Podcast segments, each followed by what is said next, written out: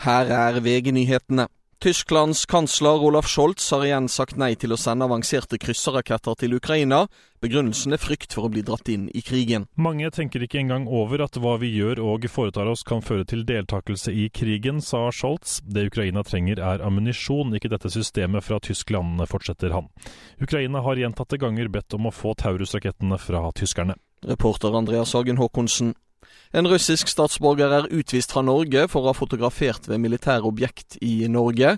Objektet var tydelig merket med foto- og droneforbud, opplyser politiet i Finnmark i en pressemelding.